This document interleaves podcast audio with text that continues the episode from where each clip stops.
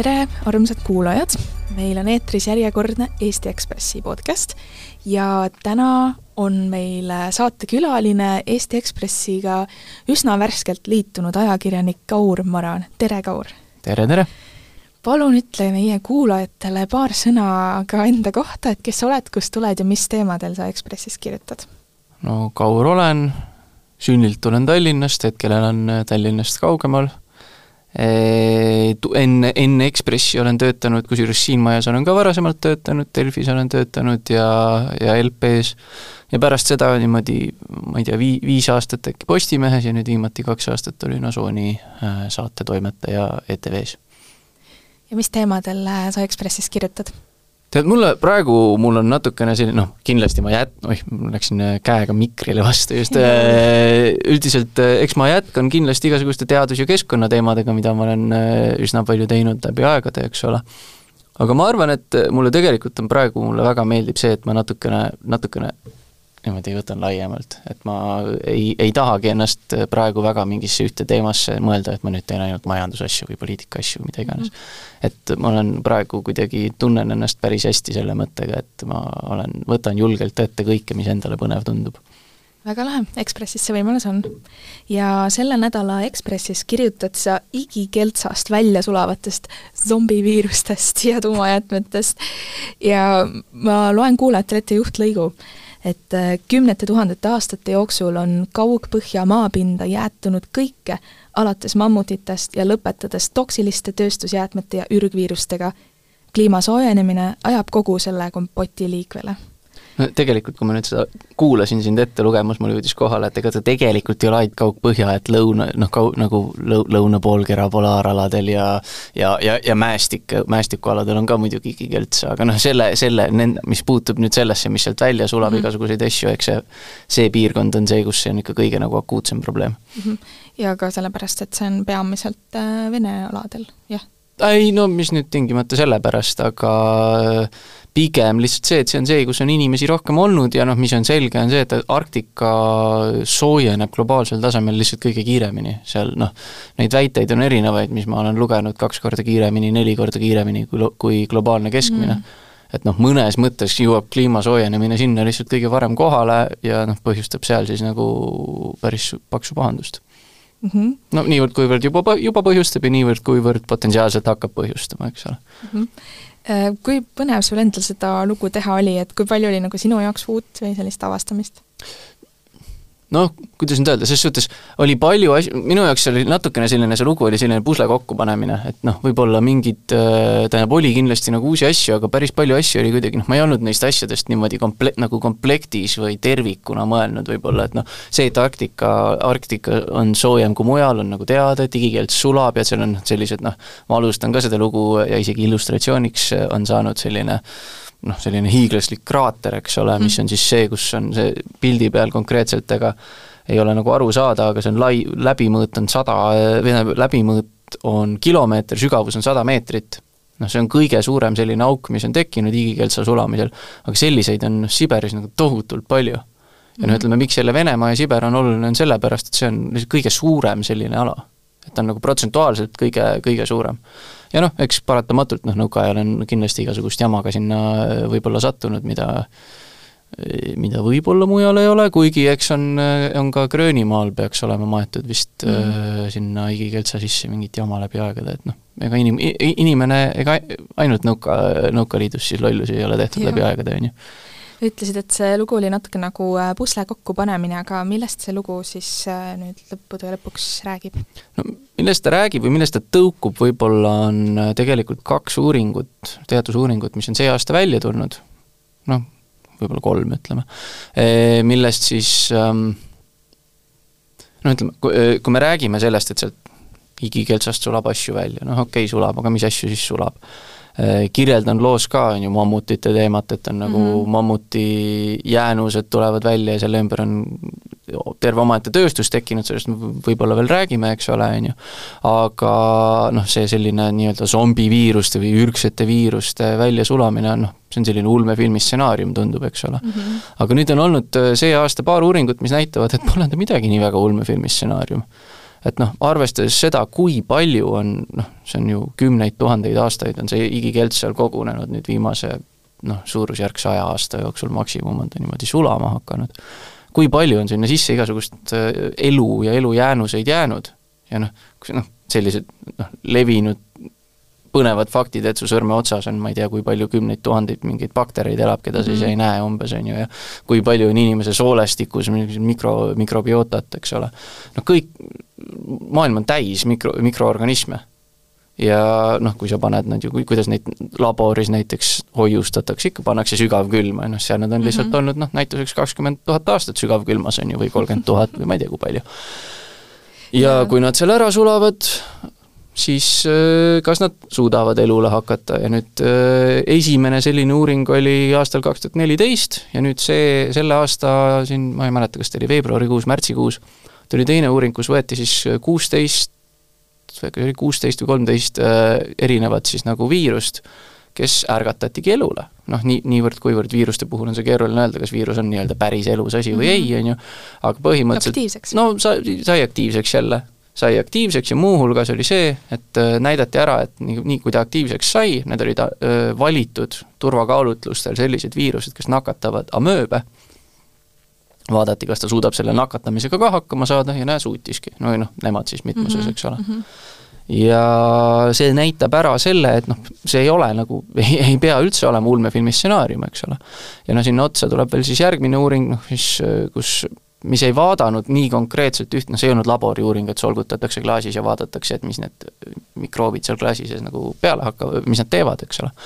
aga see oli arvutisimulatsioon, kus siis nagu simuleeriti evolutsiooni ja vaadati, et kas on võimalik see, et evolutsiooniliselt äh, siis ütleme, mingist palju-palju põlvkondi tagasi jää-, nii-öelda jäätunud liik, kui ta tuua tänapäeva populatsiooni, kas ta suudab levida, kas ta suudab nagu evolutsiooniliste survete käigus kanda kinnitada, leida endale nii-öelda ökoloogilise niši äh, ja päris paljud, enamus, nii palju kui ma aru sain selle teadlasega rääkides, kelle uuringu tegi, enamus liikidest suutsid seda ja selline umbes üks protsent või midagi taolist, üsna väike osa, olid need, kes hakkasid vohama ja suutsid nagu selle populatsiooni, kuhu sisse nad pandi, nagu päris põhjalikult alla tuua. kolmekümne protsendi ulatuses, mis kõlab nagu selline noh, üks protsent tõi kolmkümmend protsenti alla, see kolmkümmend protsenti vähendada tervet nagu mitmekesisust on tohutu, see on mhm. tohutu mm. mõju, see on röögatu, see on nagu sõnus kirjeldamatu, me ei kujuta ette, mida see tähendab, kui kolmkümmend protsenti meid ümbritsevast mitmekesisusest mm -hmm. lihtsalt kõmm kokku kukuks, noh, rääkimata sellest, et see mõnes mõttes natuke toimub ka praegu, aga see on teine teema, eks ole. Äh, ja, ja niimoodi oligi.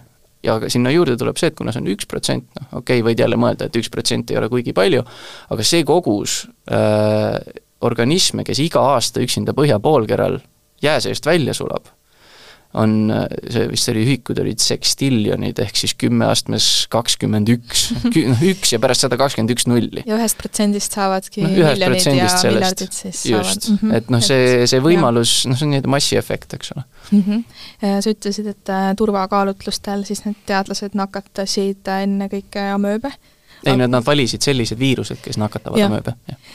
aga varem nad vist proovisid ka ühte, kes äh, peremeeslooma nakatas?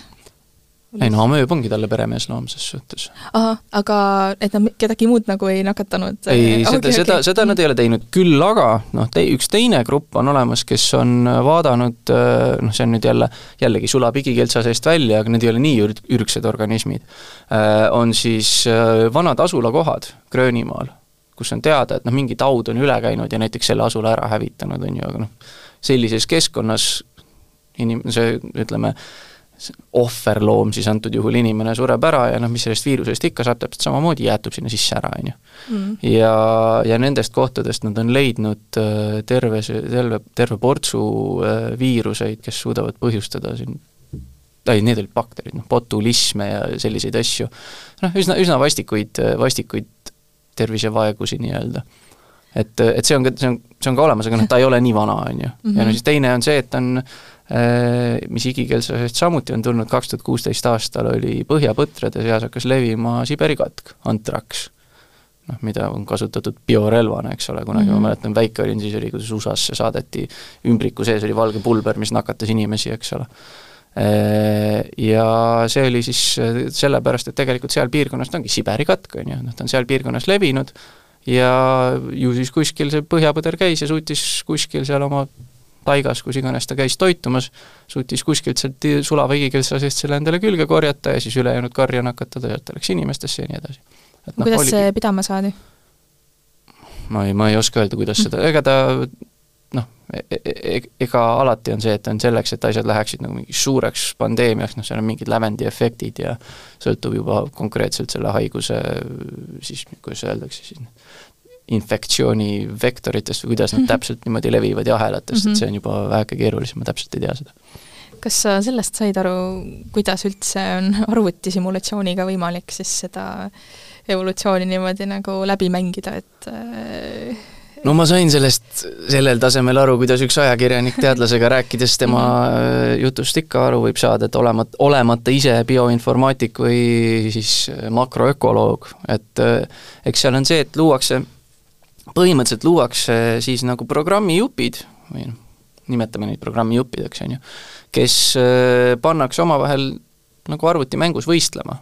Noh, luuakse neile, neile igaühele mingid omaette omadused, on ju, noh mm -hmm. nagu on liikidel omadused, kes on, kes on suurem, kes on väiksem, kellel on pikem eluiga, kellel on lühem eluiga, kes tarbib millist ressurssi, kui palju ta seda tarbib, kui efektiivne ta on paljunemises, noh, mingi hunnik selliseid nagu omadusi ja noh, arvutis sa saad Äh, luua neid omadusi ja neid organisme noh, miljoneid mm. -hmm. ja siis sa paned selle nii-öelda käima.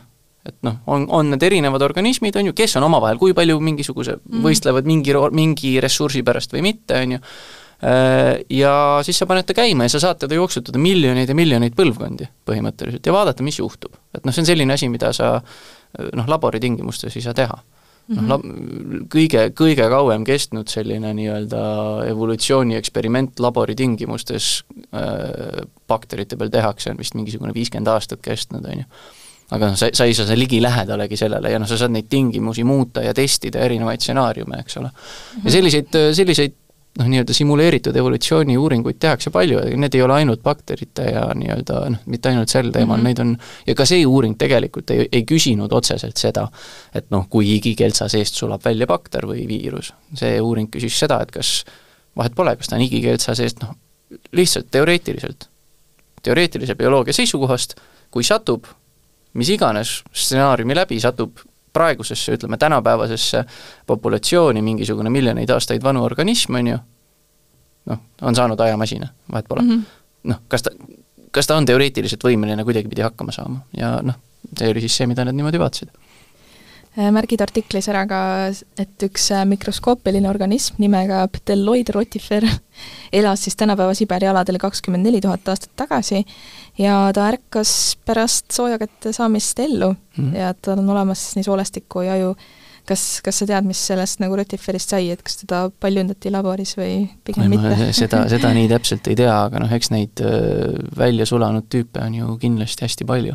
kui sa mõtled maailma kõige äh, kõige nii-öelda öeldakse, see on, teatud mõttes on see selline teadusmüüt, aga äh, teatud mõttes ei ole ka, justkui maailma kõige, kõige vastupidavam organis-, organism, äh, loimur eesti keeles, hullult imeliku välimusega, selline kaheksa jalaga, näeb, näeb nagu tulnukas välja, natukene naljakas tegelane. noh, see elab ka üle noh, kõik kiiritused, külmetamised, külmutamised, äärmuslikud happelised keskkonnad, sellised asjad, on ju, põhimõtteliselt peaks vist avakosmoses ka hakkama saama, on ju. on ka no, siis mikroskoopiline organism? jah, ja, ja, ja, aga noh, tema on selline, keda peaks olema teoreetiliselt vist võimalik äh, lihtsalt siinsamas äh, Narva, Narva maanteel lähed välja ja kuskilt Sambla tuusti pealt peaks olema võimalik teda leida, isoleerida ja tavalise valgus, valgusmikroskoobi all vaadata. aga ta ei ole maailma kõige vastupidavam selles mõttes, et äh, füüsilist, mehaanilist survet ta vist ei kannata üldse, kui ma õigesti olen aru saanud, et näpu vahel sealt katki teha. Kosmoses jääb ellu, aga inimese näppude vahel mitte. no Väga just, just. Äh, sa märgid, et äh, Siberi kandis äritsetakse ka mammutiluudega. tead sa sellest midagi rohkemat? See on hästi põnev teema selles suhtes, et ähm, ma olen sellest kunagi, kunagi Postimehes kirjutanud ka vist, kui ma õigesti mäletan, et äh, noh, see on kõik seotud sellega, et maailmas on tohutu nõudlus, eks ole, elevandiluu vandli järele mm, -hmm. mis on siis eh, nii sellise nii-öelda kuidas nüüd öelda, il-, iluasjade tegemiseks on ta nagu väärt materjal, eks ole mm, -hmm. aga teistpidi ka igasugune mm, nii-öelda uhuu-tööstus peab sellest materjalist lugu. isegi kui see on illegaalselt saadud? jah, ja see on, ütleme, elevandiluu hind, noh miks, miks toimub äh, Aafrikas salaküttimine selles ulatuses, nagu ta toimub, noh tihtipeale on ju see, et elevandid ja ninasarvikud lastakse lihtsalt maha ja see noh, surnud loom jääb raiskuma, lihtsalt võetakse tal see võhk ära, eks ole mm, -hmm. või noh, võhad siis. Ja see on äh, illegaalne ja see noh, sellega, selle vastu võideldakse päris, päris põhjalikult mm ja see on tohutu surve, eks ole, elevantide populatsioonile äh, Aafrikas. Aga kui sul sulab sellesama igikeltsa seest, tuleb välja jälle see nagu mammutikorjus mm, -hmm. siis mammuti vandlid, mammuti vandel või noh, mammuti võhad on oma noh, nii-öelda mehaaniliste omaduste ja keemilise koostise ja kõige poolest, kuna nad on ju noh, ta on elevandile väga sar-, väga sarnane ja väga, väga lähedane liik oli mm -hmm.. noh siis ta on see sealt saadav mammuti võhavandel on põhimõtteliselt sama kvaliteediga asi. Ja siis ongi, seal on Siberis on, on olnud tõeline selline buum sellega, et käiakse, ma olen näinud videosid, kus lastakse suured sellised voolikud, nendega pritsitakse seda noh, sellist nagu sulava igikeltsa panka. ja siis sealt pestakse välja mammuti jäänuseid, et seal on teatud kohad, kus on, on seda siis mammuti jäänuseid on hästi palju koos. mingil põhjusel. see on tõe-, noh, ei tea päris täpselt, mis, noh, kas me võime oletada, et noh, et äkki, äkki neil oli mingi teema, et oli mammuti surnuaed, et noh, läksid tüübid sinna kohta täpselt surema mm.. teine variant on see, et noh, sattus, võib-olla oli kuskil mingisugune noh, ütleme siis järsak ja noh, tuli, tuli mingi kari, jooksis, põgenes millegi eest ja lendasid noh, mitu tükki järjest sinna kuidagi järsakusse mm, nagu jääajas. no nagu jääajas, jääaja multikas, noh midagi taolist, on ju. Et noh, neid stsenaariume, mida sa võid välja mõelda, on palju, lõppkokkuvõttes ega sa täpselt ei tea, mis põhjusel nad seal niimoodi on, on ju aga, aga noh, neid, neid võimalikke stsenaariume on erinevaid, on ju. ja, ja noh, mis ongi, seal tekib selline huvitav asi, et kuna mammut teatavasti on juba välja surnud liik, noh siis sa ei saa teda ohustada selle tegevusega. eriti mitte, jah. eriti ei saa ja seetõttu ongi, äh, on täiesti, mammutivõhad on legaalne kaup, millega kaubitsemine on legaalne kindlasti on seal mingeid juriidilisi hallalasid ka, ega ma nüüd nii täpselt ka ei tea neid kõiki nüansse, eks ole, aga, aga näiteks kui tuleb, äh, Eestisse tuleb, on ju, näiteks oletame, toll peab kinni, näed, et on kast vandlit, siis kutsutakse ekspert kohale, kes peab siis hindama, kas see on elevant või mammut mm. -hmm. juhul, kui see on elevant, siis sellel inimesel, kes selle riiki tõi, läheb väga halvasti. juhul, kui see on vandel, siis surutakse kätte, öeldakse palju edu, noh suhtlesid selle artikli jaoks äh, Helsingi Ülikooli äh, makroökoloogiga ja ta ütles, et igal aastal on arvestatav võimalus, et jääst välja sulavad liigid võivad tuua kaasa suuri muutusi kooslustes. et kas see on natuke siis nagu see meem, et äh, iga katastroofifilm algab sellega, et teadlasi ei kuulata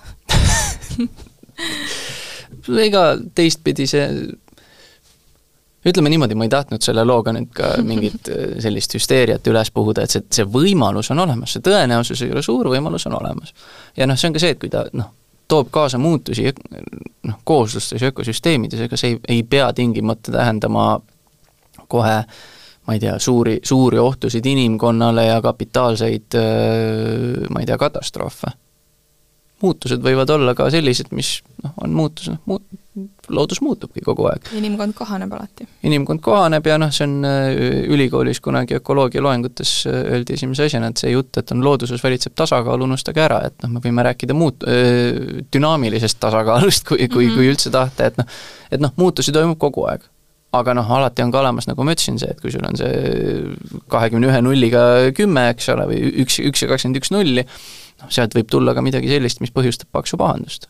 see, sa ei tea seda, see on ja, ja noh, lisaks on seal ka see, et noh, ega see, see tegemist on ka suhteliselt vähe uuritud valdkonnaga praegu veel. jah, ma just tahtsin küsida, et äh, sa mainisid, et selle nagu uurimine on lapse kingades isegi nagu globaalselt, et miks, miks seda varem uuritud ei ole? no ega kui kui ma ütlen sõna igikelts, noh, siis see on ju suhteliselt, see on ikka vä-, väga ebaseksikas teema, see on nagu isegi teadlastele ei no kindlasti on teadlasi, kelle jaoks on nagu nende enda, enda nii-öelda kiiks, on ju, ja see on väga oluline teema ja väga paljud väga olulised teemad lihtsalt ei olegi väga, väga seksikad, eks ole. Ja aga ega praegu kindlasti tuleb seda aina enam peale, sest on aru saadud, et see on noh, niivõrd oluline ja noh, kõik polaaralade uurimine on, on väga oluline, kindlasti väga alarahastatud ja nii edasi mm. -hmm. aga, aga noh, selle uurimise juures on, on ka see, et ta on väga keeruline, on ju. Noh, kui, võtta just spetsiifiliselt digikeltsast rääkides, on ju. et noh, ka selle, selle loo jaoks ma mõtlesin, et oh, väga lahe oleks saada mingisugune noh, graafiline mingi asi kaardi peale, midagi, teeme mingeid graafikuid, asju mm. -hmm olin naiivne, noh, mhm. selles suhtes mingeid, mingit graafilist asja on, aga üldiselt see on noh, kui, kui rääkida, noh, räägime polaaralade uurimisest, räägime Arktika Arktika uurimisest, Arktika nii-öelda teaduskommunikatsioonist, on ju, siis noh, mina olen, noh, okei okay,, ma olen teadusajakirjanik olnud, seetõttu ma olen väga palju näinud neid graafikuid ja neid pilte, kus on Arktika merejää ulatuse muutumine ja jälle satelliidipildi pealt näed, et jääb järjest vähemaks, on ju. -hmm. igikelts on, noh, seda ei ole nii visuaalne asi, ta on kuskil maa all ja ta ei ole ka see, et ta on noh, kaevad labidaga natukene ja siis saad, noh, ta on seal kuskil, ta võib olla vabalt noh, mitme meetri sügavusel, seal on peal on nii-öelda aktiivkiht, kutsutakse, mis on noh, suvel sulab, talvel jälle jäätub, on ju, aga see nagu püsivalt jäätunud asi on kuskil päris sügaval. ja need noh, selle seirejaamad on noh, sisuliselt puuraugud, kus siis nagu mõõdetakse temperatuuri ja noh, kui sügaval see jää vastu tuleb ja selliseid asju. et noh, ta on nagu suhteliselt keeruline uurida asi ja noh, sinna juurde tuleb ka see, no siin ütlesid alguses, et teema on see, et suur osa sellest on Venemaal, on ju, äh, tuleb noh, nüüd seoses noh, nii-öelda tänapäeva julgeolekuolukorraga, eks ole, tuleb ka see teema, et ega sinna seda uurima saada, noh, sa ei saa enam. see koostöö on läbi praeguseks. ja noh, ütleme noh, see on see kõige, kõige suurem igikeeltsa kogum maailmas, mis on äh, noh, eks Vene teadlased kindlasti uurivad, aga ega ma ei kujuta ette, kui, kui põhjalikult ja kui palju nad koostööd saavad teha ja mm -hmm. erinevalt sellest, mida siin mõned kodanikud Eestiski räägivad, et peaks olema rahvusteadusi ja mida kõike, siis ega noh, teadus ikkagi üldiselt on oma olemuselt rahvusvaheline asi ja üksi, üksinda põlve otsas äh, ei tee seda nii, niigi efektiivselt ja hästi, kui võib-olla muidu no loodame, et need äh, zombiviirused siis sealt välja ei pääse ja suur aitäh sulle sellest rääkimast! aga palun, järgmise korrani! järgmise korrani!